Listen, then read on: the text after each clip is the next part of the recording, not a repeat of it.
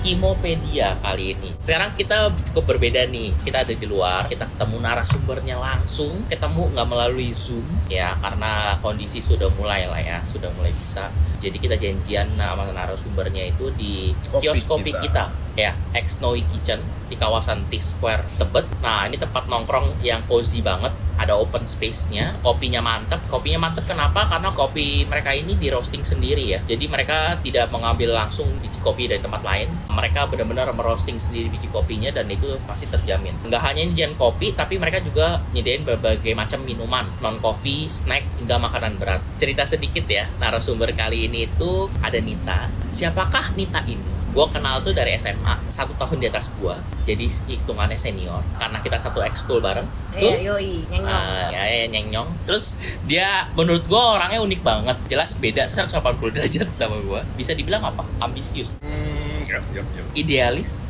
Idealis kah? Mungkin ya. Gue lebih melihat ambisiusnya sih yang lebih sangat sangat muncul dari Ah. dari waktu dia masih bayi. Bayi. bayi gak Nggak kelihatan kenal ya? nggak tahu Nggak kenal. Jadi kalau orang-orang lagi- masih bayi-bayi itu lagi pada belajar merangkak dia kayak udah mau skipping gitu.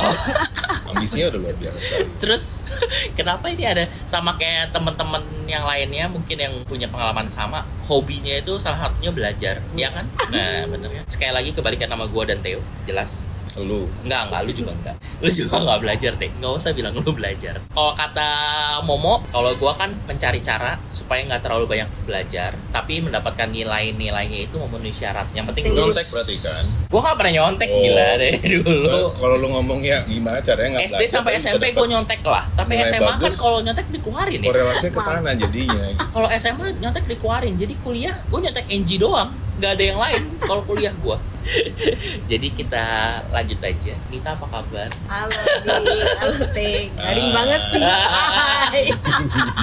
ya Allah. gua nggak bisa kalau begitu hari ini baik kabarnya baik Garing banget sih lo. baik kan tuh kan udah suruh serius dia oke teh kan udah nih udah nih dia udah kebanyakan meetingnya tuh online jadi kalau menurut gua nih kita memberikan sebuah jalan keluar juga buat dia kan ketemu sama kita lagi offline penghargaan ya ya penghargaan iya langsung masuk aja ya ke topiknya ya. Masuk aja. Oke oke oke. Nyambung Yes, ke yes. tadi kita bicara terkait Nita ini seseorang yang sangat ambisius. Nah, Gua, gua terima dulu deh. Gua terima dulu. Oke, kenapa lu nggak terima? Oke oke. Ini, ini ini lu lagi, mau membahas diri Enggak, enggak, bahwa lu ambisi nih. Gue gue mau denger dari lu kalau lu bilang lu nggak ambisi, kenapa lu bilang lu nggak ambisi? Mungkin nanti dijawab waktu di belakang. Oh iya oke baik. Dulu gua iya, tapi ke belakang ini I just wanna enjoy, enjoy my life aja sih. Oke oke. Terlepas dari kita sudah kenal dari SMA, in which kita memang punya pengalaman di SMA itu how lu mengkoordinir kerjaan lu waktu itu. Karena gue bilang kerjaan karena waktu itu kan ada project-project ya di, di SMA itu kan. Oh mau ke sini, mau ke sana, mau lomba apa segala macam. Walaupun lu bukan bukan ketua, tapi lu ngatur juga sendiri gitu kan. Luar biasa. Ambisi. Ambisi ya kan. Ambi. Dia sudah punya pengalaman organisasi yang cukup banyak sehingga pemik- pola pemikiran seorang Nita Pambudi ini sangat way advance dibanding orang-orang lainnya in a way kalau menurut- Waktu kita my, my SMA. personal Hmm. uh, view gitu ya and then kita harus kuliah pilihan lu waktu itu ketika lu mau kuliah apa sih boleh ceritain nggak boleh detail boleh nggak terserah lu tapi akhirnya lu ngambil apa dan kenapa Ini realnya ya. hmm Oke, gua jujur nggak tahu mau ngambil apa. Hmm oh, SMA. oke. Gua nggak tahu. Gua ngeliat babe gua kan eh, bokap tuh teknik sipil, Hmm. tapi kerjanya sama sekali nggak teknik sipil. Jadi dia akhirnya kerja di manajemen kan- kontraktor kayak cuma beberapa tahun awal setelah dia balik dari luar karena dia kan sempat kuliah di luar. Terus sebenarnya waktu tuh pengen ke satu kampus di Bandung gitu ya, ngambil arsiteknya sebenarnya bukan buat arsiteknya, sebenarnya gua ngincer paduan suaranya karena gua dari dulu suka suka suka nyanyi. oh kamu Oke. itu oke Eh, Basically akhirnya gue apply di salah satu perguruan tinggi negeri teknik sipil UMPTN belajar tuh bo 10 bulan terakhir di titik-titik akhir mah gue bilang lu hati-hati ya cewek sendiri di teknik sipil gini gini gini coba ya cari backup. Cari backup gue udah belajar 10 bulan gitu kan ya UMPTN males banget gitu kan ya kalau suruh cari backup gitu. Akhirnya ini agak spiritual religius gak jelas ya tapi basically gue itu lagi bulan prapaskah gue mimpi gue pakai alma mater warna merah marun gue nggak tahu tuh alma mater siapa. Terus gue telepon sama si Yoyo yang waktu itu masih pacaran udah lama banget ya. Terus gue 20 telepon ya? Lu jurusan apa? Teknik informatika yaudah gue pengen apply binus gitu. Terus lu yang ngomong? Gue ngomong. Bukannya Bukan. lu? Terus sejak kapan nggak ada omongan sama sekali kan? Iya deh kayaknya coba aja nyoba. Terus gue beneran ke kampusnya tuh. Gue nggak tahu binus apa bahkan. Gue beneran ke kampusnya. Tapi lu tahu kan ada kampus namanya Binus ada kan? tapi gue nggak tahu di situ jurusan apa. Apa serius gue nggak tahu. Terus gue melihat eh, apa ya, admission ya bahasanya yang sekarang ya yang buat daftar itu pakai alma mater warna marun yang ada di mimpi gue seriously it, it, it is true story. Oke. ya udah gue beli formulir ya. Emak bapak gue bingung karena gue nggak pernah bahas kampus ini sama sekali gitu kan. Jadi it just like ya gue ya kalau lihat posisi sekarang dan segala macam ya kayaknya ya udah dibentuk aja jalannya gitu. So basically gue beli formulir again gue bingung jurusan apa? Nah at that point kita juga ada anak sisi lah ya yang di di paduan suara sama eh, kuliah di situ gitu kan. Terus gue nanya eh lu jurusan apa? TI sama statistik. Gitu Hah, apaan tuh? Yaudah deh tapi lu ambilin aja deh dia bilang "Eh, lu ambil aja matematika soalnya kan kayak lu anak IPA terus lu seneng kalau statistik tuh begini-begini kalau matematika agak lebih luas tapi belajar statistiknya gitu ya udah ganda ya keren juga ya yaudah gua apply seriously sesimpel itu gue nggak mikirin apa-apa terus Sejauh apa gitu nggak Enggak, nggak enggak. Gue bener-bener jadi anak mami, quote unquote yang udah yang penting kuliah. Seriously, gue no idea at all. Gue cuma mikir, oke, bayaran kuliah nggak jojo amat, kuliah empat setengah tahun dapat dua gelar, udah. Kepake nggak dua gelar tersebut? Setahun ini sejak gue ngerjain yang sekarang, apalagi di compare sama S2, kepake banget Dari sisi apa? data sama teknologi. Karena gue ambil, oh gue belum ngomong jurusan ya, gue kan ambil TI. TI, teknik informatika sama matematika. Karena waktu itu lu kuliahnya memang yang yang mat, berarti itu mat murni ya? Enggak, apply. Oh, applied. Applied. Oke. Math sama TI. Uh, ya, gitu computer science. dan dan ketika lu mau cari kerja juga kan mungkin orang-orang nggak necessary melihat itu dulu gitu kan ya waktu dulu mungkin ya Iya. tapi sekarang kepake dua-duanya gitu ya kepake banget. Jadi eh, basically kalau ngomong eh, S1 gue gitu ya pola pikir terstrukturnya sih yang seriously kepake. Jadi bener-bener kalau lo mau dari A ke B ya dulu lah kalau SMA lah ya di- diketahui ditanya dijawab you know itu masih jadi eh ada ya? Gue nggak tahu. gue juga gak tahu. Enggak gue tahu. Gue tahu tapi dia inget diketahui ditanya dijawab dia inget gue gue Nah, gue buset itu yang bikin gua waktu belajar kuliah matematika itu kepake. Dan sekarang seriously kepake ketika gua bikin Excel. Karena sehari-hari gua kan uh, making decision based on data tuh. Nah gua tuh jadi tahu kalau data kayak gini gua bisa tambahin kolom-kolom apalah buat flagging apa supaya gua bisa analisis tertentu. Dan itu Ya. kepake banget Ya. dari matematiknya Biasa. ya data-data memang sangat powerful sih Iya. sekarang Cuma memang beneran sekarang. Dulu-dulu tengah-tengah ya, ya awal-awal enggak dong rumus Excel sum biasa, nggak nggak aneh-aneh lah. iya iya iya Nggak- bener- biasanya disajikan ya Kan gue juga dari Oh, Cumpret. Ibu cuy. Nita nih ya. bu datanya maksud gue gitu bawah gua, cuy. oh dia bilang data dia bilang dia nggak nggak maksud gua kalau dia bilang kepakainya sekarang bukan ibu mesti ya udah level dia nih bu ini Oh, udah udah ada nih bu datanya Gua nangkep menurut ibu lo. A apa B gitu loh maksud gua ngerti gak Iya, iya. itu kan itu kan skill berbeda. Kalau ini kita masih masih Oh. pembicaranya adalah lu ngambil dua dua Jurusan. degree nih Oh. gitu. Iya, Nah, Jadi sehingga pertanyaannya kalau boleh lanjut dulu ke sana ya, esensi nggak buat lu anak-anak zaman sekarang ngambil dua degree tersebut?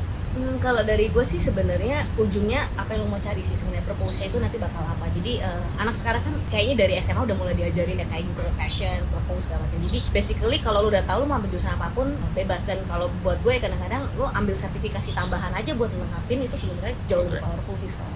Ketika kita bicara sudah lulus, terus lu sempat kerja dulu ya berarti ya? ya kerja dulu. Nggak langsung ambil S2 ya? enggak But then lu ngambil S2, yes exactly. Gimana ceritanya? I get. Waktu itu gue cuma mikir gini sih S1, nggak tau dari dulu prinsip gue gini Kalau lu mau S2, jangan dari S1 langsung Lu kudu kerja dulu Karena jurusan apa yang mau ambil S2 itu harus maunya lo banget. Lo udah tahu banget apa yang lo mau. That's why gue ngerasa punya kesempatan kerja itu harus diambil dulu.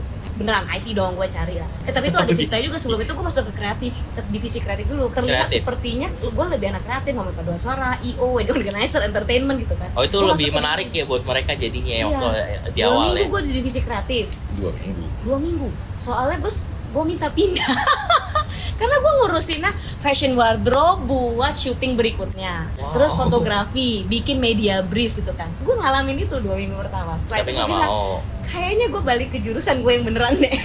Jadi gue nggak Karena, suka karena brand. memang bukan passion lu di sana ya. kayaknya bukan bukan deh. Em, Dia udah selama mencoba ini dan bidangnya nggak nggak di situ. Dan Iya. gue tuh ngerasa gue tuh punya intuition yang bilang lu bakal mentok nih. Jadi gue pasti akan bilang eh gue nggak bisa nih gue pindah deh. Karena gue masuk ke divisi eh, di IT Mengolah Eh, data kah? at that moment gue awalnya masuk dari leadership scholarship sih di situ. Jadi sempat magang dulu tiga bulan. Hmm. jadi ada leadership scholarship terus sekarang gitu gue masuk ke finalis and then gue masuk ke magang tiga bulan. Jadi kenal sama divisi IT baru abis itu tarik ke sana meskipun sempat dua minggu itu sih agak-agak gue bingung juga tapi di situ gue ngerjain semuanya mulai dari support system dulu jadi ngurusin Oke. ya user gitu kalau Oke. technical kalau ada ada Hardware. software. IT ya software IT IT support benar-benar dari support Oke. terus sampai akhirnya em, gue pegang yang namanya ERP system gitu kan ERP Oh, itu tahu ya ujung-ujung lah dari end to end gitu kan Ya. gue pegang waktu itu ke di manufakturnya Oke. production gitu udah gue pegang dari situ. Nah di situ gue baru menemukan diri gue di company pertama ini gue tahu bahwa secara proses gitu ya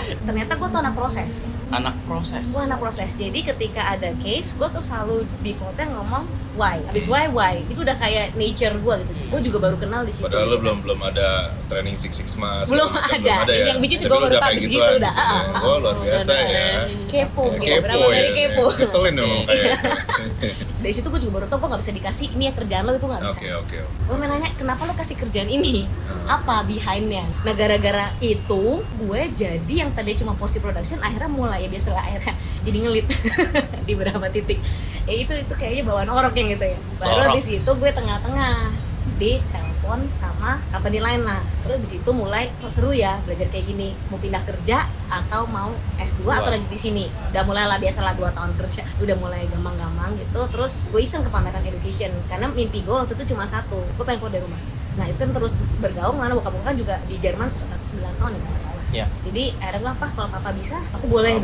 Ya udah sana berangkat. Dan untung nggak ada yang nahan. Even cowok gue waktu itu juga nggak nggak nahan gitu kan. Udah sana sana pergi aja gitu. Karena gue pengen belajar hidup. Karena kan awal gue juga mau S1 mau diterima di kampus di Bandung itu kan. Jadi Iya, dari default gue udah sebenarnya udah pengen keluar dari Jakarta cuma dua jam. Lu bisa disuruh pulang hari ini Iya, juga. Yoi, yoi. Iya kan tapi ya ya gitu itu, itu ceritanya sih. Oh. Sebenarnya agak tweak itu Hmm. uh, ceritanya. Jadi serunya adalah gue gue udah apply di saat gue apply S2 terus gak ada kabar karena gue apply beasiswa. Gue pasti nggak bisa berangkat kalau gue nggak dapat beasiswa. Kenapa? Karena di saat gue udah decide uh, 2010 itu bokap gue kan sebenarnya udah retire ya tapi Hmm. masih di extend terus lah sama papa jadi waktu gue bilang pak gue mau keluar negeri buat sekolah. Uh, papa masih ada lah sisa gini gini ini kamu buat berangkat dua minggu setelah kejadian itu ngobrolan bokap gue diputus kontraknya di situ gue nggak pernah lihat bokap gue nangis. Di situ dia merasa bahwa ada sebuah komitmen yang akhirnya dia bisa omongin gitu yang untuk anaknya berangkat ya, ya akhirnya dia nggak bisa nggak bisa ngewujudin itu. Terus gue bilang udah tenang pak. Kok bisa tenang itu? Karena banyak faktor itu. Di momen itu adalah kita biasa naik mobil mewah gue harus naik bus kota gak bisa bayar supir and everything just gone dia bilang ada duit enggak gitu. Tapi it just all the privilege dia stop aja gitu. Karena bokap gue posisinya tinggi di semuanya privilege aja tiba-tiba ya dia karena kan kantor ya karyawan gitu. So it's just, just stop aja gitu. Which is buat gue gue cuma bilang sama bokap gini pak papa sampai sekarang di kontrak 4 tahun ya nggak salah 4 tahun atau 5 tahun gitu ya. Itu udah privilege loh. So when you are cut udah di umur segitu ya ya udah. Why gitu? Terus anak papa udah besar pak kita udah besar. Emang kamu ada duit? Ada. Kaget. Ya karena gua jualan MLM dan Oh, waktu itu. yoi. Dan waktu gue akhirnya suruh naik bus gue langsung bilang pak naik. Ini nanti jurusan Pulau Gadung gini gini bokap gue bingung kenapa lo tahu? Ya karena gue pernah jualan di bus. Kenapa nggak cerita? Ya karena gue kalau cerita gue pasti nggak boleh. Dia pernah jualan di bus Pernah. Nggak tahu bagi-bagi brosur nggak banyak yang tahu cerita gue oh gitu Yoyo tahu. Pertama kali gue naik bus itu bareng Yoyo ke Untar waktu itu kan uh, kampusnya dia. Cuma buat ngasih tahu turun kaki kiri atau kaki kanan karena gue bingung. So I have that that, that moment. Ya itu itu momennya gue bilang udah udah pak. Terus kamu berangkat di mana? Gue ada tabungan, gue pernah trading, gue masih ada sisa trading malam kan, gue juga trading pasar US. Gue belajar gitu kan. Ya udah. Gue ngelesin, gue ketua himpunan, gue ngejob, gue nyanyi, gue ngamen, ada minimal buat beli laptopku aku ada. Berangkatnya aku cari beasiswa. Nah hati tuh gerilanya kenceng sampai akhirnya gua belum dapet tuh. Hmm. terus gua ditelepon lah kantor gue sekarang dari binus. Oh. Ditawarin mau kerja di binus nggak? Ya nggak nggak tutup mata gitu ya at that moment karena kenaikannya lumayan banget gue Hmm. terima. Posisinya adalah IPPC International Partnership. Nah karena gue tahu gue harus mengubur mimpi gue untuk internasional Mhm. gue terima lah tawaran itu. Jadi kayak Tuhan tuh pas banget. Gue jadi terima. itu binus Ini- yang itu S2 nya itu enggak enggak oh enggak. Jadi gue lagi proses itu Ah. belum ada kabar ini Hmm. terus binus manggil dan international gue pikir ya udahlah kalau international gue nggak caranya begini Pakai ya mungkin pakai cara yang lain. Oke. ya sudah gue terima ya di binus. Informasi binus terima gue tekan kontrak masuk kantor sebulan gue diterima beasiswa. Bingung gue karena isi kontraknya denda kan?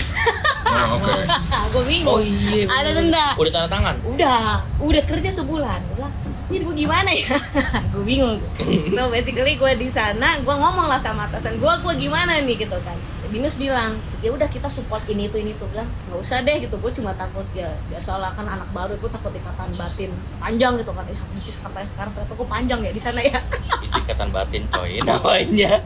Nah terus akhirnya akhirnya terima beasiswanya tapi gue nego. Kalau gue terima beasiswanya sekarang gue kena denda. Karena kan status gue yang sama Binus masih Iya, proses iya. juga. Ah. Denda lu berapa? Sekian. Gue bilang oh dia ngomong dan gue ngomong oke. Lu interview lagi sama direkturnya ya? Kayak gue nanya. Nah at that moment karena gue ya biasalah labil lah anak muda lah terus udah gitu eh, gue juga baru terima kerja terus eh, ini kampus tuh kayak gue tuh masih belum tau kan ya sama lah sama kayak satu S2 tuh gue coba nyari yang penting gue keluar negeri. Kampusnya bagus enggak gue nggak peduli. Pokoknya yang penting gue keluar negeri karena gue pengen belajar hidup. Sama kuliah bisnis udah. Dan kuliah bisnis dan beasiswa. Jadi kalau siapa pun ada kampus di luar negeri ngasih gue beasiswa gue berangkat gue cuma mikirnya kayak gitu waktu itu. Akhirnya? Terus gue berang uh, gue ke sana ditelepon. Direkturnya interview satu jam. Ya udah gue interview tuh satu jam. By phone kan dulu belum ada zoom ya. Terus dia bilang oke kita akan meeting internal lagi. Finally gue bisa dapet ya hampir full scholarship itu puluhan ribu euro gitu ya. Hmm, plus gue dapet dormitory buat kompensasi kontrak gue oke. Untuk sat- 10 bulan. Oke. jadi skripsi boleh balik Indo katanya kalau skripsi ngerjainnya. Terus gue ngomong bokap gimana? Yaudah I'll take it gitu kan terus dari saat yang bersamaan dari Bibosnya bilang udah kamu berangkat aja tapi penting kamu komit untuk balik. Sedangkan gue tanya beasiswa ini gue harus komit di Belanda nggak? Nggak lu justru harus balik Hmm. buat ngembangin negara lo. Oh ya udah. S2 nya ambil apa? Oh gue ambil uh, international business. International bisnis di Tias Tias Nimbas Business School di Utrecht. Jadi bisnis lah ya intinya. Ambil bisnis jadi gue dapet ya keluar negerinya dapat ambil bisnisnya dapat terus kampus bisnis yang bisa ngasih beasiswa dapat nah sebenarnya gue masih pengen nanya tentang international business itu sih maksudnya kira-kira belajarnya apa aja gitu Ah oke. Belajar yang paling gue kena itu adalah tentang Iya, uh, in strategic, general, mana- ya. strategic management sih. Kalau di sana gue jujur belajar culture karena oh, dia iya, lu itu di sana nggak belajar Carter tapi kalau di sini ya Di di, di, sininya international yang dipakainya businessnya sama belajar culture. oh, oke Karena lo kalau di luar negeri kan kampus gue salah satu kampus yang paling internasional ya. Jadi muridnya 37, Hah? 20-an nationalities. Nah di sini Indonesia men 34 provinsi. Lo ada orang Sumatera, lo ketemu orang Jawa, lo orang Kalimantan. Oke. Semuanya punya cara berbeda. Oke. Kalau bahasa komunikasi ada low context, high context, nah itu kan Oke. semuanya beda banget. Itu kepake banget. jadi yang paling mengenal di lu waktu belajar di sana ya belajar satu belajar culture itu Culture. ya dan sekarang kepake itu kepake banget dan Kepake itu yang bikin gua mungkin bahasanya ini ya teh ya eh, bukan interaksi sama orang tapi di mana pun lu berada you just being yourself lu gampang adaptasinya. Lu nggak merasa riku ke suasana yang baru. Di luar gua ekstrovert ya tapi lu tapi ekstrovert ya? Gue introvert. Lu introvert. Gue introvert Oh, ya. Hmm, percaya deh gua. Eh gak percaya. Gue introvert. Kucing aja ketawa tadi. Eh enggak enggak enggak enggak ada kucing. Enggak ada. Ini kayak acara stimula oh apa acara satu yang gua belajar dari S2 nya sebenarnya bukan mata kuliahnya. Gua tuh ada satu case dua mata kuliah pertama gua hampir nggak lulus. Gua remet. Nita remet nih Serius. Nita remet. Nilai gue 40 atau 50 gitu kan. Terus gue takut beasiswa gue dipotong dong. Kenapa? gue stres banget. Gue remet. Bapak gue pas stres. Kamu beneran? Gue stres soalnya. Sampai gue minta belajar bareng tuh. Gue accounting lemah. Jadi gue terpaksa di situ belajar. Itu yang gue remet pertama. Tapi setelah itu beberapa nilai belakang setelah gue belajar ngotot pun itu 60-an kan kesel ya mungkin gue bagus kali Iya. kalau di Eropa ya. Iya kan siapa tahu akuntansinya doang. Hubungan sama orang lu minus. Mungkin kan gue jadi pinter kalau di sana kan nggak tahu. Tapi yang bisa jadi loh karena di sana itu yang begini. gue bingung kan. Jadi dia tuh kuliahnya modal cuma 4 hari. Satu mata kuliah 4 hari selesai. Jadi gue belajar dua minggu sebelumnya dikasih tugas. Hmm. sama suruh baca buku. Di kelas tuh cuma empat hari karena lu nembangin dosen bukan di Belanda. Dosen gue tuh dari Malaysia dari UK dari ini. Hmm. setelah dia empat hari kuliah dosennya tuh Kasih bilang setiap kali kelas tuh ya awal-awal tuh nggak biasa. Eh, lu ada nanti tugasnya kan kemarin berapa persen tuh dari ini dari belajar buku sama bikin PR terus Sih. nanti di kelas lu case study case study tuh 50% gitu. Ya. lu nilai di situ terakhir ujian nanti belakang. Nah jadi use me dia bilang. Gue nginep di hotel ini. Gue bisa Ya. terima student sampai jam 8 malam. Thank you. Feel free to come to my hotel udah awal gue nggak biasa kan model makanya gue bilang nilai gue berantak karena temen-temen gue bule-bule kelihatannya party-party gitu ya. Kalau di kelas urusan gini mereka belajar dan mereka tuh bener-bener dua minggu pertama tuh belajar. Di kelas bikin mind mapping doang. apaan dua minggu apa-apa belajar yang penting lu belajar.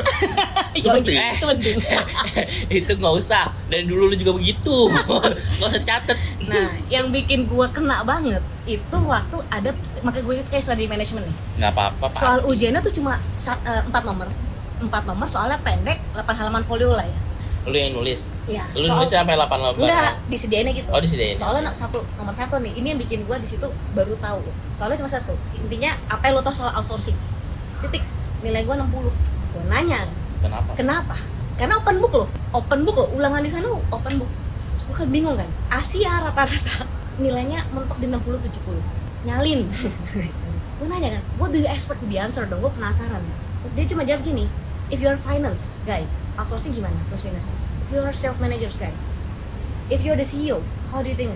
Apa pun yang ada di kepala lo tulis. That's how we give you the score kita tahu that you have critical thinking that you know how to deal with how you know the process Sehingga ketika lo dapat 60 itu yang terjadi adalah lo hanya menjelaskan knowledge. Apa yang di buku? what is Outsourcing itu apa? outsourcing itu Iya. jadi nggak menjelaskan Apa pemikirannya Sebenarnya- dia tentang outsourcing itu? nilai Buku. kasihan kali ya. Ini buku. Enggak, sebenarnya enggak. Iya, Apa- buku. apakah apakah itu tidak menjawab pertanyaan sebenarnya Iya, yang lo tulis? buat buat si dosen itu nggak menjawab pertanyaan Oh, iya. karena everybody can do it. You don't need to go for S2 di luar negeri pula gitu untuk Iya, menjawab iya, itu. iya. dan itu gue kena banget. Dan sejak satu gue tahu. yep, yep. gue ikutin. Mulai party. Gak, gak, sih? Pengen Gak tahu, gue juga gak deh. Gue juga gak tahu. party alim ya Party gimana sih kok kita gak pernah gitu ya? ya gitu Ya ya intinya begitu. Alright. udah Oh, mungkin bener, mungkin gue pinter kalau di Belanda, mungkin gue akhirnya pinter. gue party eh gue belajar sebelumnya di kelas kerjaan gue cuma bikin mind map itulah kenapa bisnis proses gue dan integration mindset gue Berubah tinggi ya? banget sekarang I like using my map. Itu very powerful. to connect the dot itu bahasa gue Itu sekarang crazy. itu beneran. Dan itu kepake banget sampai sekarang. Yep. lo bisa kayak ketemu sesuatu eh nih bisa begini begini begini. Karena gue dipaksa. Kerjaan gue akhirnya bikin mana tuh di enam mata kuliah ya? terakhir. Berubah beda ya? banget. Jadi bukan mata kuliahnya sebenarnya tapi how to. Jadi gue udah nggak pusing ujian lagi. Beneran. Karena lu once lu ngerti tutup buku lu even bawa buku pun lu nggak akan buka. Karena lu tahu lu mau nulis apaan udah Oke, sebelum lanjut Panjang ya? karir lu. Panjang lu. Dibilangin dia kalau udah cerita udah kayak Inspiratif Iya. Iya sih, Iya. inspiratif. ketemu orang extrovert begini nih Tapi dia kayak udah lama gak cerita aja gitu itu loh. roginya langsung hilang sekarang dari cerita yang gue dapet nih dari si Momo ya kan satu angkatan bukan satu angkatan satu angkatan lah dari SMP kok nggak salah kan pernah suka sama lu lu lu, lu dulu tuh selalu jadi orang yang cerdas dan Dulu pembelajar. cerdas. dulu. Dulu cerdas. tadi kan ngomong kan dulu dulu kita kan nggak tahu sekarang ya kan? Kayaknya tuh konsisten setiap tugas setiap PR kalau gue nangkep dari kata-katanya ya selalu pengen di atas. Gua ya kayak pemikirannya begitu kan? Kan dulu ambisi kan dulu ya dulu. Iya. Bahkan ada kata-kata hebatnya nggak cuma di bidang akademis, tapi non akademis. Lu main basket kan? iya Meskipun eh, dengan tinggi segitu dia main basket. ya.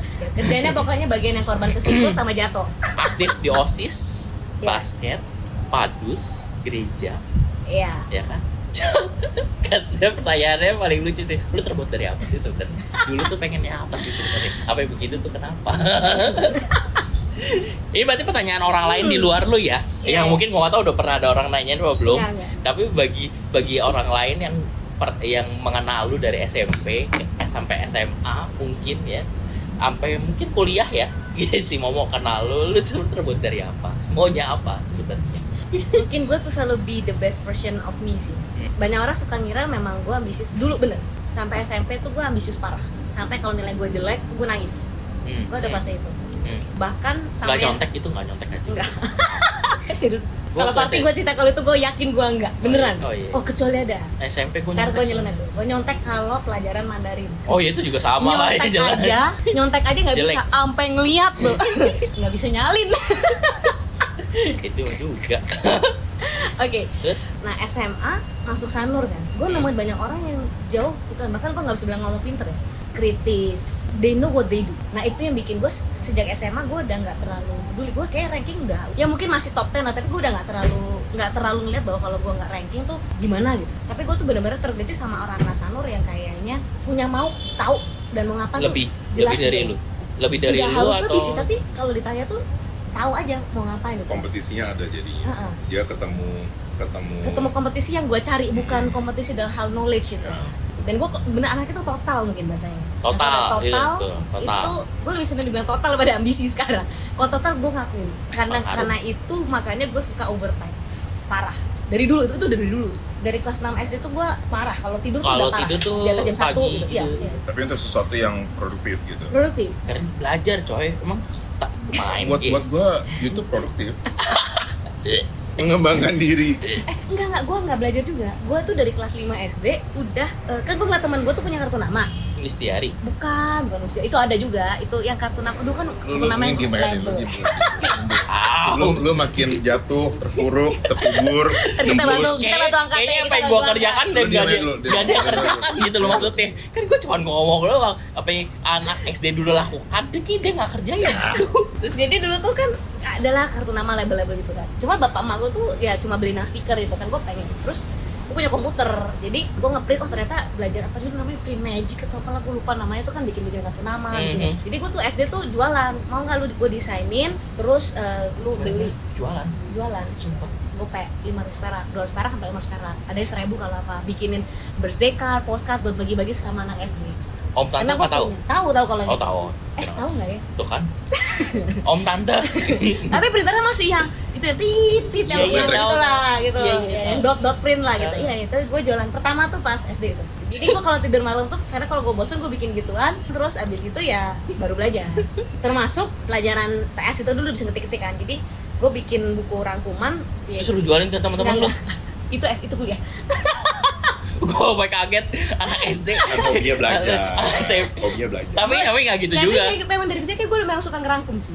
Nah, tadi kita udah ngomongin nih totalitas, totalitas yang sudah dilakukan. Terus menurut lu mau yang membuat lu berkembang sampai sekarang selain yang kita, kita bicarakan ya tadi ya, ada yang lain nggak faktor yang lain? mungkin filosofi hidup dari banyak gue kali ya dari Hmm. bapak mama gue ya Hmm. bahwa selalu memberi daripada menerima tuh kena banget sih Hmm. dan memberi itu kan gak harus barang gara-gara filosofi itu gue selalu berpikir kalau ditanya ke depannya lu mau apa sih gitu ya ini ini gue bukan mau menakuti apa tapi kalau ditanya ya gue pengen waktu gue nanti meninggal tuh banyak yang doain gue Oke, jadi iya. gue tuh selalu punya ya apa pun yang gue lakukan kenapa gue total? Karena gue pengen punya footprint di mata orang gitu. Apa pun. Dan gue selalu tahu karena ekonomi ya gitu gitulah nggak sampai gimana. Lah so gue harus giving others dengan cara yang berbeda. Makanya tenaga gue pemikiran gue buat gue itu yang harus gue kasih ke orang lain. Meskipun kadang-kadang ya keluarga gue suka komplain gitu kan. Kok buat lo sendiri lo nggak pikirin gitu kan? Ya tapi puasnya beda gitu. Bonyokku selalu bilang ya apa ya kalau bahasa Cina tuh how ise ya. Gimana gimana? Gue merasa ter, ter ini nih yang Cina di sini nih. Tidak baik. Apa puhau itu? Oh, so tahu lu. Oh, so tahu. Muka lu gak cocok. Kan gitu. boleh sotoy. gue juga nggak tahu sih artis sebenarnya tapi sering banget dari kayak gitu ya maksudnya ya ya lu kalau udah kasih tuh udah ikhlasin aja nanti Oh. baliknya caranya pasti berbeda Oh, oke. oke. dan itu yang gue percaya sampai hari ini Hmm. nyokap sih terutama yang nilai-nilai seperti ini gitu. terus kalau ada orang sakit orang meninggal gitu Harus saya bantu. datang kalau orang wedding nggak bisa ya udah tapi kalau ada orang meninggal Hmm. sebisa mungkin apa yang lu kenal lu kudu datang mau jam berapapun mau semalam apa pun kalau itu lu sempetin datang jadi em, nilai-nilai itu yang menurut gua setelah gua lakukan ke belakang itu banyak dan terutama waktu gua sakit Hmm. it's just miracle Oke. Terus ya pernah lah pasti ya lagi lagi naik terus turun kita kan ada sa- satu dua cerita yang tiba-tiba drop semua privilege hilang satu cara paling ampuh lu untuk ngembaliin mood lu atau itu pas lagi down itu ngapain? have fun-nya gua tuh bener harus ketemu orang Iya. iya jadi even gua kayak Oh dua tahun menderita berarti ya? Gue tuh paling happy kalau ada kondangan tapi pakai prokes di limit orang wah gue bela-bela tuh gue datang nanti jam segini supaya gue cuma keluar dari rumah aja aduh cuy gue dua tahun mah pampus gue supaya mana kan lupakan gue Apa ya, karena eh, mengembalikan mood satu oh iya cara, iya satu iya cara. Ketemu orang. even gue cuma makan ataupun break snack gitu ya yang penting gue ngajak orang karena gue kalau snack sendiri atau cuma jalan ke mana sendiri nggak hilang tuh moody gue Oh di kantor gitu. Iya, karena gue anaknya overthinking. Itu jeleknya gue. Jadi gue tuh harus ketemu orang, ngobrol, nyampah. Kadang-kadang nggak nyampah juga sih, cuma tumpah Ngobrol, aja iya. gitu ya. Ya udah, tapi dari Oh situ. iya iya kasihan sebenarnya. Oh iya. Tanya aja ntar mungkin interview berikutnya. Intinya gue sama sama orang. Mood gue biasanya balik abis itu. Tadi kita masih bicara tentang totalitas ya. Apakah lu mengkategorikan diri lu sebagai workaholic? Secara jujur mungkin iya kali ya. Kalau ngeliat definisinya workaholic, Totalitas. totalitas gue membuat jadi workaholic. Nah, Iya, karena standar yang gue pakai standar gue. Mungkin itu yang bikin gue workaholic. Is it good Hmm, to be a workaholic? sekarang sih gue udah bilang enggak. Oke. makanya gue sekarang berusaha ya gue bilang gue I'm not a, a role model for this gitu ya tapi sebenarnya yang paling penting itu bukan kerja banyaknya tapi ini nih Apa? mindfulness bahasa anak sekarang Wow. Boleh Oh, dijelaskan healing lebih perlu lebih, ya? lebih banyak mindfulness Healing itu maksudnya perlu ya? apa? gue susah jelasin karena gue belum belum belum jadi Dia belum deh. yang gue tahu adalah yang gue tahu satu be presence sama makanya gue kenapa terima tawaran salah satunya adalah minimal gue jauh dari handphone Wah, kalau nggak tuh handphone terus di Iya. tangan. Sumpah lu. Si, sumpah sumpah iya gue susah Gua aja ngomelin karena di pola pikir yang gitu ya. Jadi gue ngeliat apa pun tuh bisa nyambung. Bahkan gue nanti bisa bilang eh, ini nanti di bisnis gue gue bisa nyambung gini. Eh, ini untuk anak gue begini. Nggak berhenti mikir. Itu sucks kadang-kadang. Jadi the only way dan gue bener-bener belajar adalah untuk nggak mikir apa-apa. Itu susah. Even just one minute. Duduk bengong gitu nggak bisa. Lu suruh gue gitu susah. Gila. sebenarnya kalau gue gara-gara si totalitas gue dengan totalitas yang pakai standar gue dan perfeksionisme gue itu yang gue harus harus terus Masih kan? belajar sampai sekarang. masih belajar. Gue tuh selalu bikin yang baru. Guanya makin senior. Teman-teman gue kadang-kadang makin selalu baru kan. Nyubi nyubi nyubi. Junior junior. Nah gapnya gede. Jadi kadang-kadang gue tuh menuntut menuntut menuntut. Nah ini gue lagi terus turunin turunin turunin gitu. Bahwa ya orang tuh punya namanya learning curve gitu. Nah itu yang untuk menekan workaholicnya gue karena gara-gara totalitas tim nggak kelar gue paling gampang untuk take over. Itu yang gue sekarang ya udah kasih. Dua hari nggak apa-apa lah gitu Satu, lu nggak harus dua jam satu lah. hal yang itu iya iya itu, iya itu betul. yang paling berat. Karena kerjaan gue itu selalu build new one selalu build new system. Otaknya di sini. Gue tuh selalu bilang kayak bos gue bilang ini delegate lah. Pak gue bilang gue bukan nggak mau delegate. Kalau nggak mau delegate hancur badan gue bener-bener. Tapi masanya gue selalu pegang yang baru. Ketika baru ke sananya tuh gue mikir. Mau apa? transfer itu susah. Nah itu yang bikin gue akhirnya udah totalitas ketemu perfeksionis temu lu udah punya knowledge kan di umur sekarang gitu udah tau macam-macam gimana cara nyambunginnya gitu kan Tadi gue mau nanya tentang passion, tapi obviously gue bisa melihat lu sudah ketemu passion lo. Jadi bahasa gue mungkin purpose ah, purpose. ya kalau ke passion tuh gue bingung soal gue dari dulu selalu agak Oke. gimana gitu Oke. Oh, coba tolong jelaskan sedikit apa pandangan lu akan passion purpose dan, dan purpose.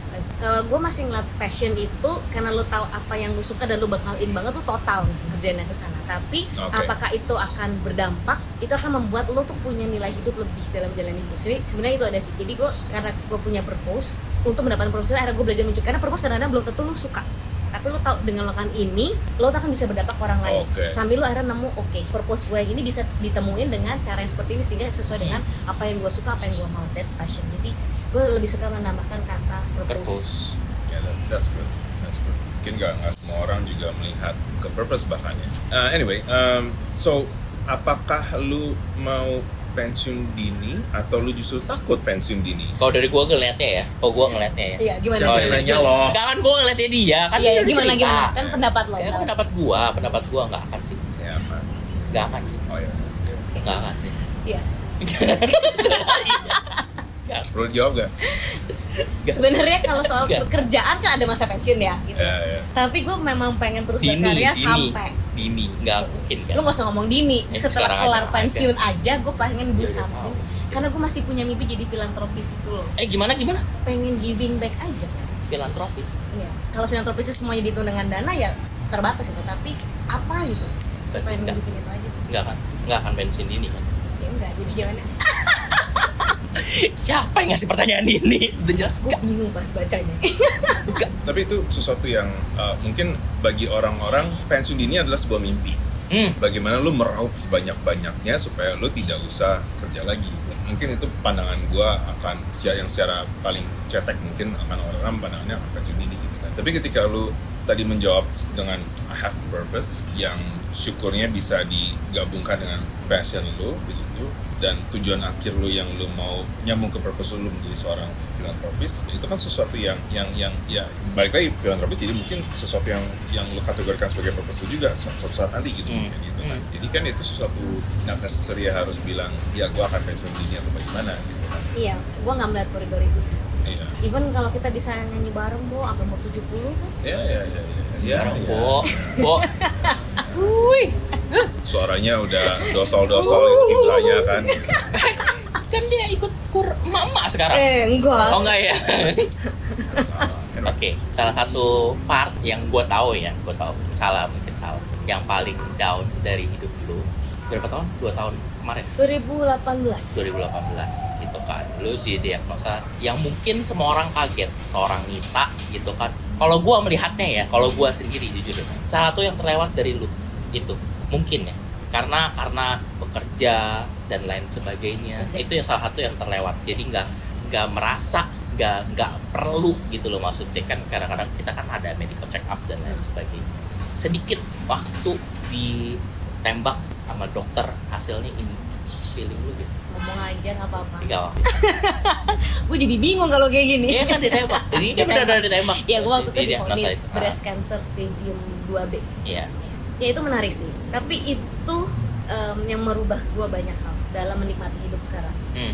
Again jalan Tuhan, gue selalu percaya itu jalan Tuhan. Hari itu Hmm. libur 17 Agustus.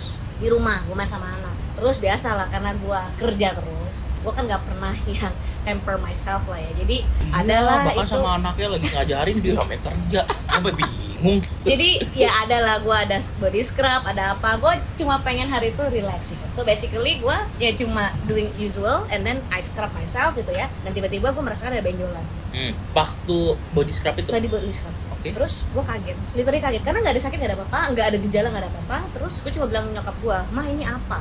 Dan gue gak, gak ada perasaan takut atau apa itu gak kepikiran ke mana-mana. Nggak pikiran Nyokap ke sana gua, lah ya. Nggak, mungkin gue terlalu logik dalam hal ini It's of feeling? Iya. Jadi emak gue tuh udah worry banget mukanya kan Yoyo juga gitu. Terus ya udah terus gue cek dokter Tapi inilah perjalanan spiritual terbesar dalam hidup gue gue cek dokter melalui beberapa prosedur dari pertama dokternya susah gue juga baru tahu gitu ya eh, nyari dokter onkologi itu jadwalnya bisa dua bulan sampai enam bulan di muka gue sampai pernah marah-marah ke rumah sakit gitu ya. Mas gue bilang kalau semua orang kayak begini gitu ya di Jakarta mati dulu baru dapat jadwal gue bilang. Karena gue begitu paniknya karena gue juga udah mulai panem tapi akhirnya gue dapat periksa tapi waktu nyari jadwal itu lu belum tahu kan itu apa Belum tahu itu. belum tahu. Terus? tapi again miracle karena nyokap mertua itu juga guru di sekolah ternama ya. Gue pas akhirnya si Yohanes ngomong karena ha- uh, result tuh udah keluar jelek result USG oh yes sehingga dicari Oke. dokter. Oke, ini. itu. Udah Dokter pasti itu. spesifik gitu kan nah dari sini akhirnya kita nggak dapet jadwal. Nah terus pas akhirnya ngomong ke nyokap nyokap tuh baru medical check up sama salah satu orang tua kanisius dari situ akhirnya gue cuma jabat jaga lima hari. Langsung masuk. Langsung bisa ketemu langsung dokter bisa itu? ketemu kita ngobrol cek Dok- ini itu. dokter ini, itu. enak sih enggak dok mamanya. Mamanya di, mamanya anak mamanya kanisius anak kanisius oh, oke. Terus gue dapet jadwal dari situ terus gue divonis jadi vonis is just like hell ya jadi belum dokter yang asli yang ngomong tapi dokter yang cek terakhir Hmm. dan hasil biopsi udah keluar dibacain bareng Even namanya belum karsin- dokter belum, yang belum. itunya. itu baru besokannya karsinoma mamai artinya apa gunanya kanker payudara Okay, this is the first time I share in public ya guys Iya. gue nggak pernah kemarin udah nyiapin mental tapi thank you buat kalian berdua bahkan gue khusus nge-script yang ini Hah? Oke. maksudnya Oh, gue nyiapin belajar khusus itu. nyiapin Oh, karena gue memang dari dulu pengen share cuma gue nggak ketemu momen yang pas Hmm. Nah jadi waktu gue divonis nangis pasti. Nggak ada yang nggak nangis. Bahkan Yoyo pun sampai pegangan pintu. Sorry gue kalau ini agak emosional. Take gue pengen nanya Yoyo tapi kita pulang nge-grab aja ya? Karena gue takut dia nggak bisa pulang. Dia nggak bisa nyetir terus oke pulang. Tapi dua-dua perasaannya kacau. So basically gue nggak siap kalau malam itu harus kasih tau orang rumah. Kayaknya it's just not the right moment. Dan gue masih serumah kan sama Bonyok.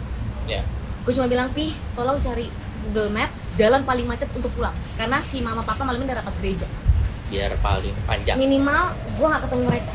Gue nggak bisa ketemu mereka. Terus gue pulang gue ketemu anak entah kenapa gue cuma pengen meluk dan nangis. Gue nggak bisa. Dan anak nanya kenapa? Bilang ya tadi mami capek banget di kantor. I have to make a story. Kenapa? Karena di momen itu momen terberat gue adalah karena gue workaholic tadi anak gue ada kasus di sekolah. Sehingga dia dua bulan agak off sekolah. Jadi gue lagi fase bahwa dia harusnya ke psikolog.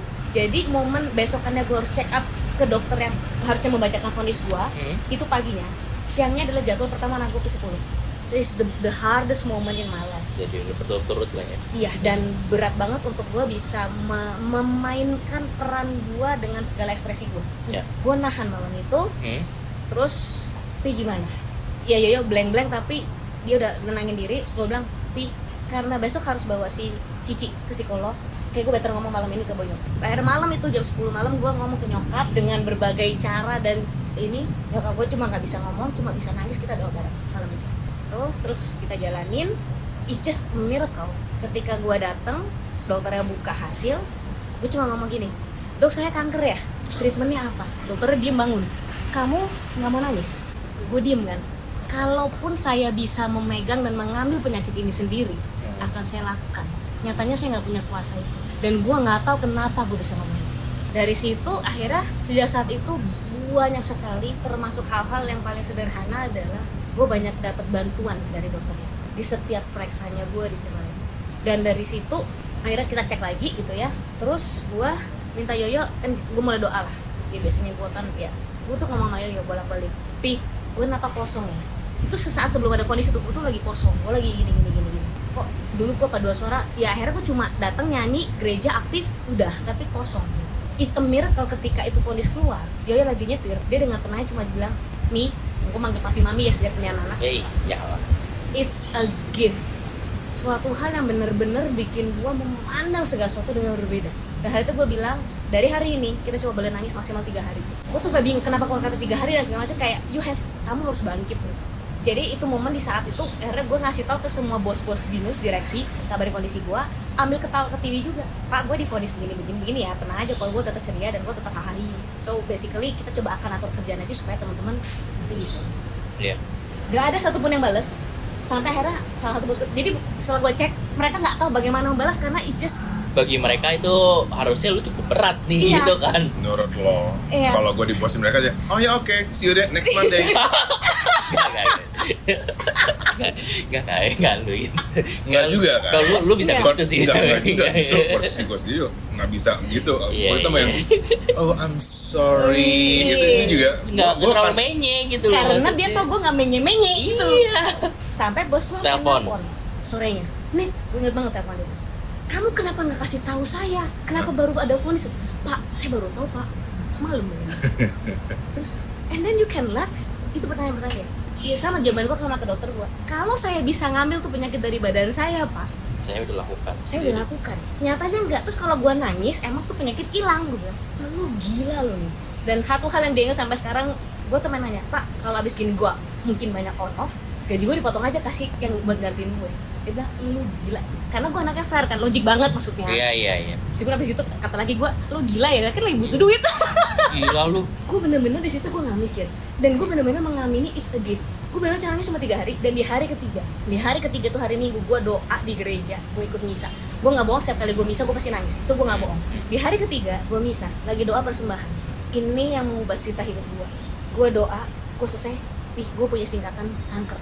Bilang, lu doa kagak? Gitu kan iya gue doa gue punya singkatan kanker K A N K E R ketika aku naik kelas karena engkau rahmat gua merinding banget kalau bukan yang atas yang atur nggak mungkin Berarti kalau dari cerita lu berarti hampir semuanya keluarga sama Tuhan. Iya. Iya kan yang membuat lu tabah. Gue tahu prosesnya eh, berat. Salah satu kenapa gue nggak nggak hubungin lu, nggak nelpon ya karena gue tahu itu sangat berat Eh, dan lu pasti membutuhkan orang-orang yang lebih dekat. Bukan orang yang nelpon, ya ampun, saya sorry gitu loh maksud gue. Ya ampun, lu butuh apa? Enggak, lu lu lu tahu lu butuh apa gitu. Eh, jadi Tuhan sama itu yang membuat pasti cukup berat kan ngejalanin proses itu dari dari operasi kemo dan lain sebagainya gitu kan berapa lama sih jadi Em, setahun sih setahun. Dan akhirnya yang seru tuh gue bisa bayar dokter gue bayar? Bayar dokter gue Oh, oke. Ya suatu hari telepon adminnya telepon Banita hari ini kemo nggak? Karena gue kemo tuh udah terkenal banget satu kemo selalu bawa laptop.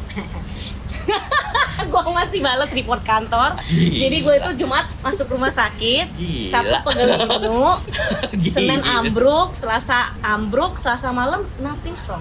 So don't be afraid with chemo Rabu masuk Rabu kantor masuk kantor bos gue sampai bilang lo mau gue bikinin surat cuti aja nggak? Cuti sekolah luar negeri deh biar lu bisa cuti. Gue bilang kalau bapak bikinin itu gue lebih sakit karena gue di rumah bingung mau ngapain. Lebih enak Don't on pikiran me, itu gitu. Dan gue tuh waktu itu mikir cuma simpel sih kenapa gue nggak sedih? Gue itu ekspresif kan? Yes. Jadi kalau gue sedih serumah sedih. Kalau gue senang semua senang hmm. gue cuma nggak pengen bapak mama gue sakit. Dah itu aja. Ya bahwa kalau kamu sakit sakit nyilungin lu apa ya tapi lu nggak mati kok gara-gara lu itu obat kamu. It's again mindset jadi setelah gue lihat nih ya again nah data matematika kayak kepake nih si Yoyo tuh kerjaannya. Setiap gue leukosit berapa dicatat. Setiap gue kondisi eh, gimana? lagi iya. Itu. gue pas demam pas apa dicatat sama dia. Kan ada siklus A B C. Siklus A drop siklus B agak drop siklus C agak aman. Dan polanya sama. Itu Katanya, itu lu tenang lu yang boleh ke mall sekarang. Yang riset Yoyo. siapa? Y- Yoyo. Yoyo, terus dikasih ke dokter ya. Ini dok siklusnya. Boleh ke mall ya dok? Gitu. Jadi kalau C lu boleh ke mall. Lo ini mau makan apa boleh. Jadi lu punya hidup. Tuh Yoyo tuh kerjaan. Jadi gua sampai ya udah berarti mana ah yang bikin tadi gue bilang bayar ke dokter itu Hah? si admin dokter itu telepon Ah, Benita lagi kemo nggak? Iya ya mas, kenapa gitu kan? Ini pasiennya si dokter eh, lagi butuh kekuatan. Hmm. Mbak Nita oke nggak? Boleh. Satu, satu, satu sampai sekarang. Kenapa? Karena setiap kali gue kemo, kan kemo tuh ngoplos tuh, ngoplos, ngoplos dulu Iya, iya. ngeracik obatnya kan. Iya. Itu dua jam. Jadi setiap kali kemo gue bilang sama suster ya, saya nggak mau dipasangin panang dulu ya, terus supaya saya bisa jalan-jalan. Karena dua jam tuh bo ini Nggak ngapa-ngapain nggak juga. ngapa-ngapain. Nggak dimasukin Kalau gue juga. di infus kan males kan, dan Gak gue boleh sehat. buka laptop juga dua jam. Gue buka laptop, nonton HBO atau Nah, gue ngunjungin pasien lain. itu yang lu bilang bayar Iya. dokter lu. Karena gue lihat di situ bahwa yang bikin orang sakit itu terkadang pikiran.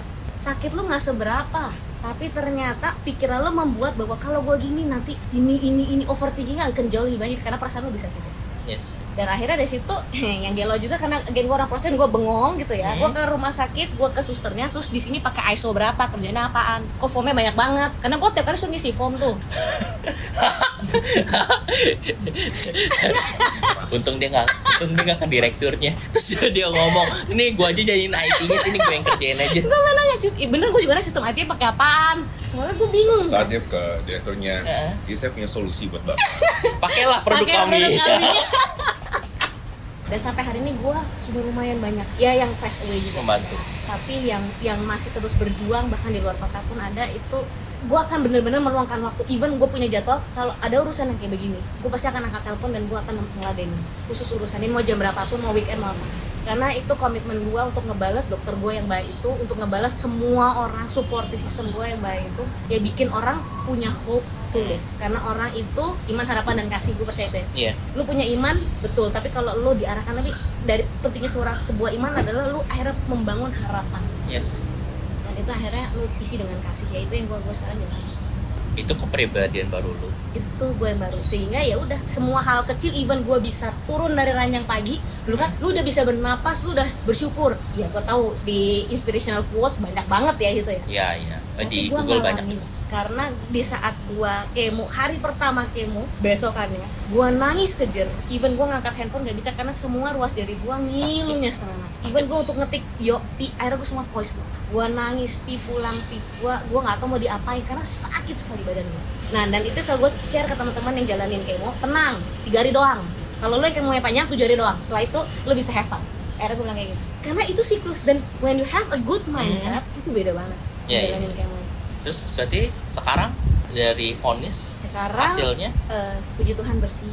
Ah. puji Tuhan bersih tapi masih kontrol setahun masih dua kali gitu ya karena masih usia produktif sekali kan. Oke. Jadi ya sangat mungkin untuk Sel relax gitu lagi. ya sangat mungkin tapi yang berubah dari sisi gua adalah kalau tadi ngomongin workaholic Hmm. ambisi gitu ya sekarang gua ngomongin namanya manage expectation nah kan lu udah udah baru nih manage-nya kok ada platform baru yang dikasih ke lu kenapa kenapa itu kenapa jadi jadi begitu gitu loh Baru maksudnya? lagi ya? Kenapa? kenapa kenapa baru lagi bukannya katanya mau manage expectation nggak mau totalitas gitu loh apa yang membuat lu itu dibeban bukan dibebankan ya maksud Kalau gue gue tuh dipercayakan ya diper, Nyambungnya diper, ke purpose lagi. iya gue. dia pinter lebih Iya, iya, dia memang udah lebih pintar tenang aja. Makanya ada dia di sini ya.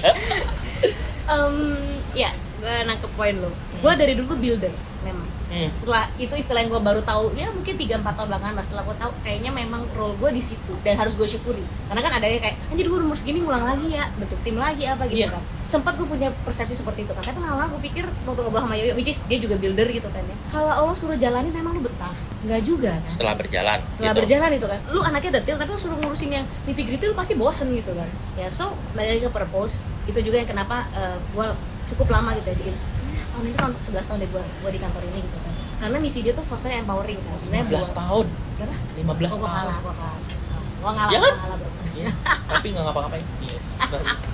Sehat. Oh itu dibalikin Manage gitu ya. expectation Manage from day one. from from day one. You ngerti kan day one until 15 years. aduh aduh aduh Dari hari pertama dia udah manage ekspektasinya dia. My life came first. gua lagi pengen belajar itu sih Lo harus belajar sama dia. Gua harus belajar. Gila dia. sama laki gua juga pernah kita waktu awal merit tuh berantem Lelaki lu kan juga sebenarnya cukup ambisius menurut gua. tapi dia bisa bilang cukup Oh, oke. Kata cukup itu yang lu susahin. dan dia pernah berantem kita pernah berantem gini tapi lu jam 5 udah kelar iya mah gabut banget sih lu anjing kata dia Ah, lo tau gak? Itu kata-kata si Momo ke gue juga. gue bilang iya bos lu rugi nggak loyal eh gue kerja produktif ya dia bilang iya.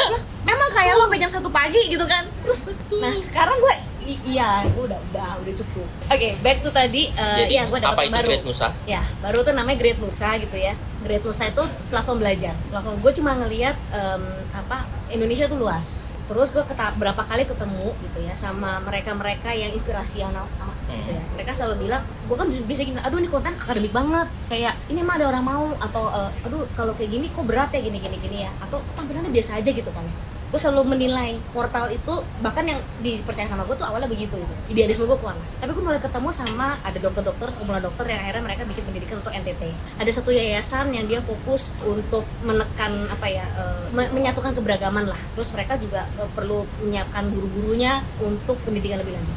Waktu gue nunjukin ini kadang-kadang gue malu aduh kok konten gini doang? gitu ya karena kita udah lihat ya portal-portal lain yang jauh lebih kece lebih keren gitu. Dan mereka bilang ini bagus banget gitu malah terstruktur rapi terus eh, ada sisi akademiknya ada sisi profesionalnya gitu kan.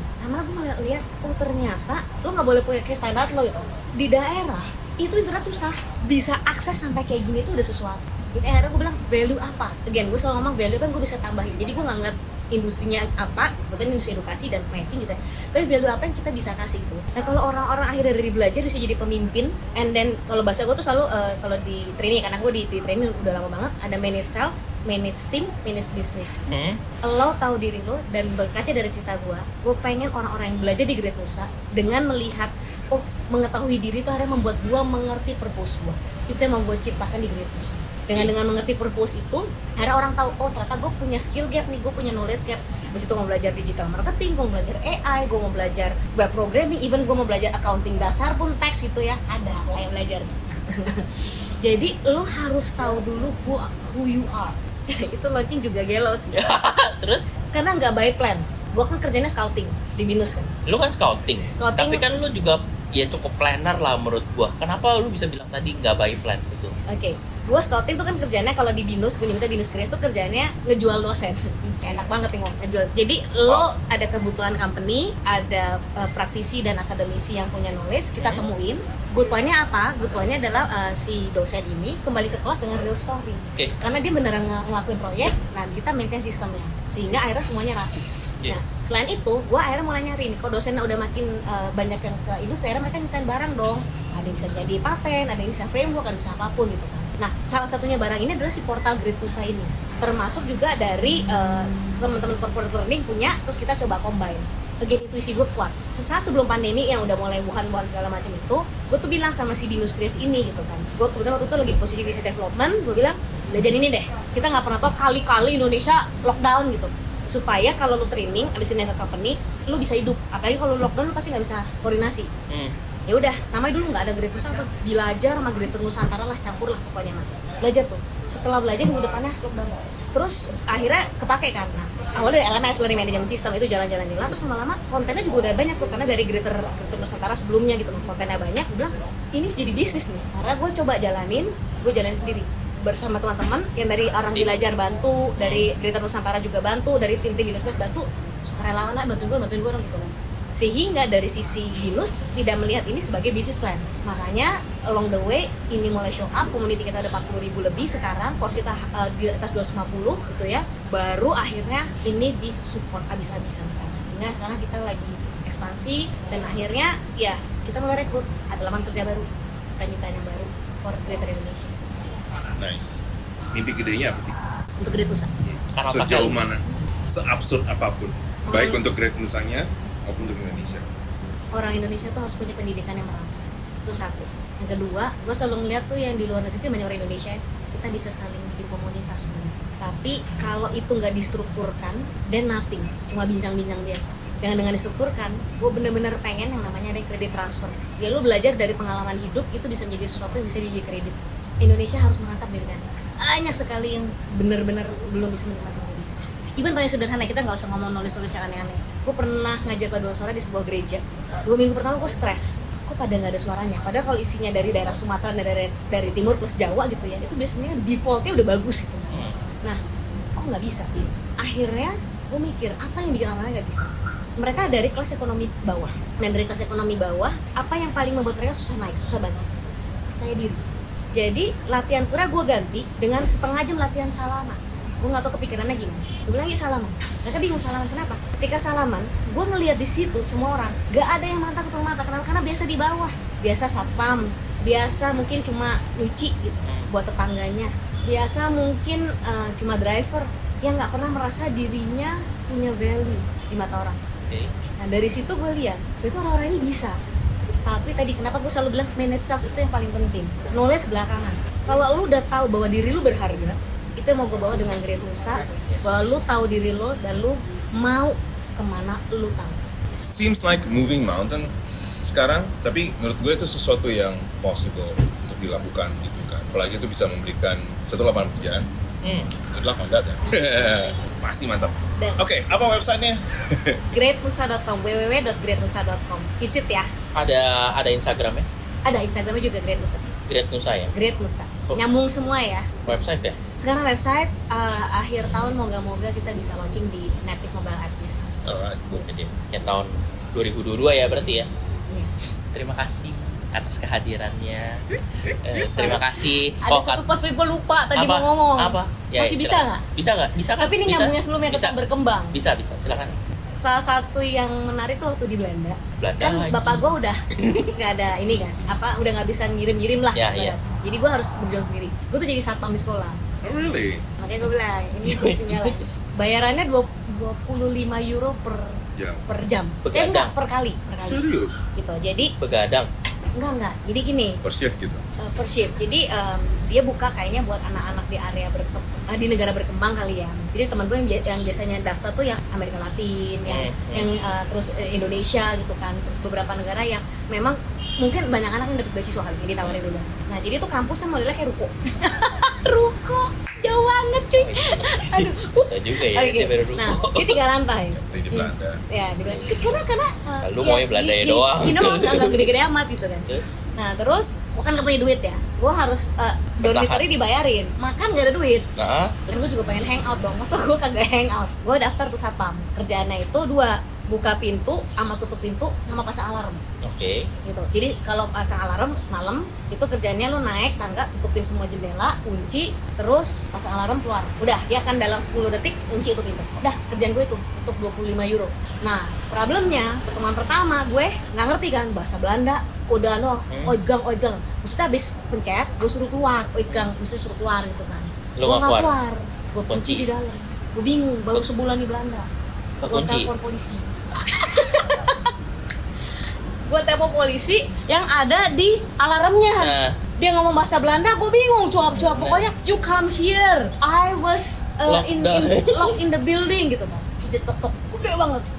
Nah gue udah dikasih info kalau lo salah lu denda 100 euro lalu dapat 25 lu denda 100 Utang jadi waktu 75. dia keluar di pintu gue begging sir don't find me.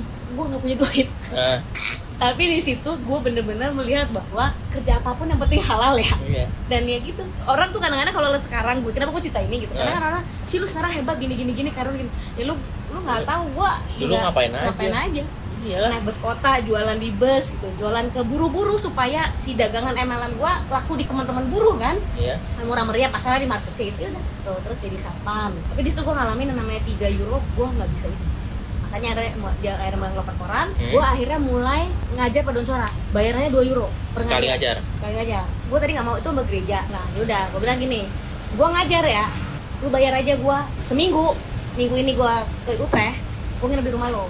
Ah. minggu depan di rumah lo udah. Jadi minggu ini gue rumah orang Portugal minggu depan rumah orang India. Tidurnya di mana? Di sofa sama di karpet. Di Indo pasti lu malu. Iyalah. Mau gimana? Gue demi hidup cuy. Kalau nggak jadi gue di situ bikin skripsi ngajar paduan suaranya di rumah dia per orang nggak dua euro per orang Oh, per orang. jadi ngajar di Regen karena mereka takut pas gue balik Indo nggak ada lagi yang menyemangati Oh, oke. ini. In return akhirnya gue bikin perjalanan gue di gereja itu gue bikinin video terus gue bingung kan video mau diapain kan? Yaudah bagi-bagi deh pakai USB gitu kan. Terus anak lu enggak enggak dibikinin CD aja gitu gue kagak punya duit gue bikin CD nah terus akhirnya ketua pemudanya tahu bahwa banyak gue datang gue disambut gitu ya terus dibeliin beberapa tiket lah buat banyak gue jalan-jalan di Belanda gitu ya. Terakhir CD itu ternyata memorable banget untuk pasturnya akhirnya di di apa ya kayak dijual buat donasi. Ya. atap gereja bocah bisa ngambil pakai CD itu. Jadi when you have a purpose to make impact in others and give value semuanya akan dapat dengan yang nggak jelas lah gitu. Mantap. Nah, itu aja ceritanya. Terima kasih Iya. Terima kasih sudah hadir di Gomopedia yang sangat sangat apa sih? sangat berguna ini ya yang biasanya sampai habis biasanya kita bercanda-canda dan membicarakan sesuatu yang lumayan tidak serius. Kali ini Eh, ada bisa seriusnya, kan, guys. ada ada Serius. ceritanya. serius lah, You did serius. well, you did well.